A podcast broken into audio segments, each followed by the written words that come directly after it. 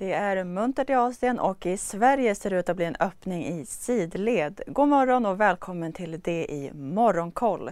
Tokyobörsen är upp runt 1,5 procent och Hongkongbörsen lyfter 3,5 procent. Även Fastlandskina är svagt uppåt trots helgens besked från den kinesiska hälsomyndigheten att landet håller i sina covid-19 restriktioner. Oljepriset faller och handlas nu för 97 dollar fatet och även guldet tappar efter tre veckors topp. Kinesiska aktier relaterade till hälsa och turism handlas brett neråt men rallyt håller dock i sig för kinesiska techaktier samtidigt som Apple uppgett att Kinas nedstängningar skadar bolagets produktion. Kinas nya handelsdata visar att landets exporter minskade med 0,3 procent i oktober, vilket var under analytikernas förväntningar. Även importen minskade 0,7 procent.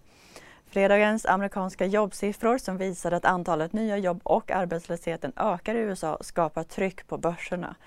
Börserna på Wall Street stängde grönt i fredags. Warren Buffetts investmentbolag Berkshire Hathaway redovisade förlust för tredje kvartalet när bolaget släppte sin rapport i lördags.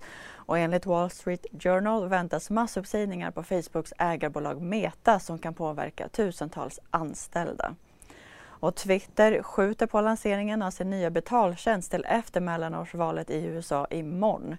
Användare ska betala 8 dollar i månaden för att få sina konton verifierade. Upplägget har lyfts fram av nya ägaren Elon Musk som har mötts av kritik. Så till Sverige. Under morgonen har vi fått in försäljningssiffror från Clas Ohlson för oktober som kom in i linje med förväntningarna. Onlineförsäljningen steg marginellt.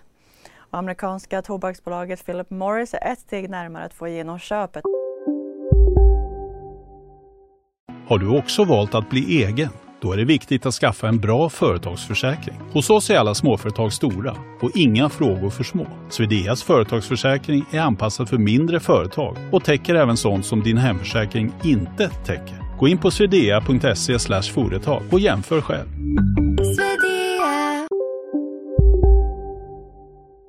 Swedish Match efter uppgifter om att storägaren och aktivistfonden Elliot accepterat budet på 116 kronor per aktie.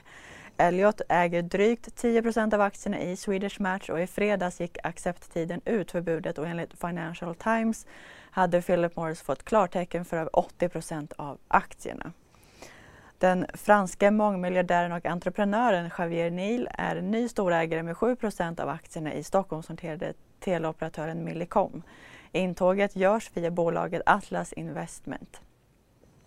Styrelsen för Maha Energy meddelar att vd Jonas Lindvall och finanschefen Andres Modarelli avgår. De kommer under en kortare tid framöver att hjälpa till med överlämningen då Paolo Thiago Mendonca utsätts till ny vd för bolaget och Bernardo Guterres utsätts till ny finanschef. SCBs pris, boprisindikator stiger med två enheter i november från minus 35 till minus 33.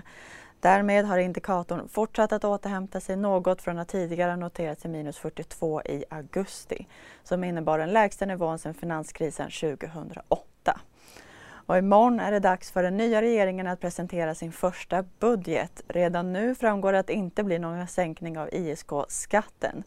Regeringen föreslår även att de tillfälliga lättnaderna i arbetsvillkoret och karensvillkoret i lagen om arbetslöshetsförsäkring som gällt under pandemin ska förlängas. Och idag är det även dags för papperstillverkaren Arctic Paper vars aktier noterade både Stockholm och Warszawa att öppna sina böcker för tredje kvartalet. Med en uppgång på 170 procent är bolaget årets stora kursrusare. Det var allt för nu. Missa inte Börsmorgon kvart i nio. Ha en fin dag.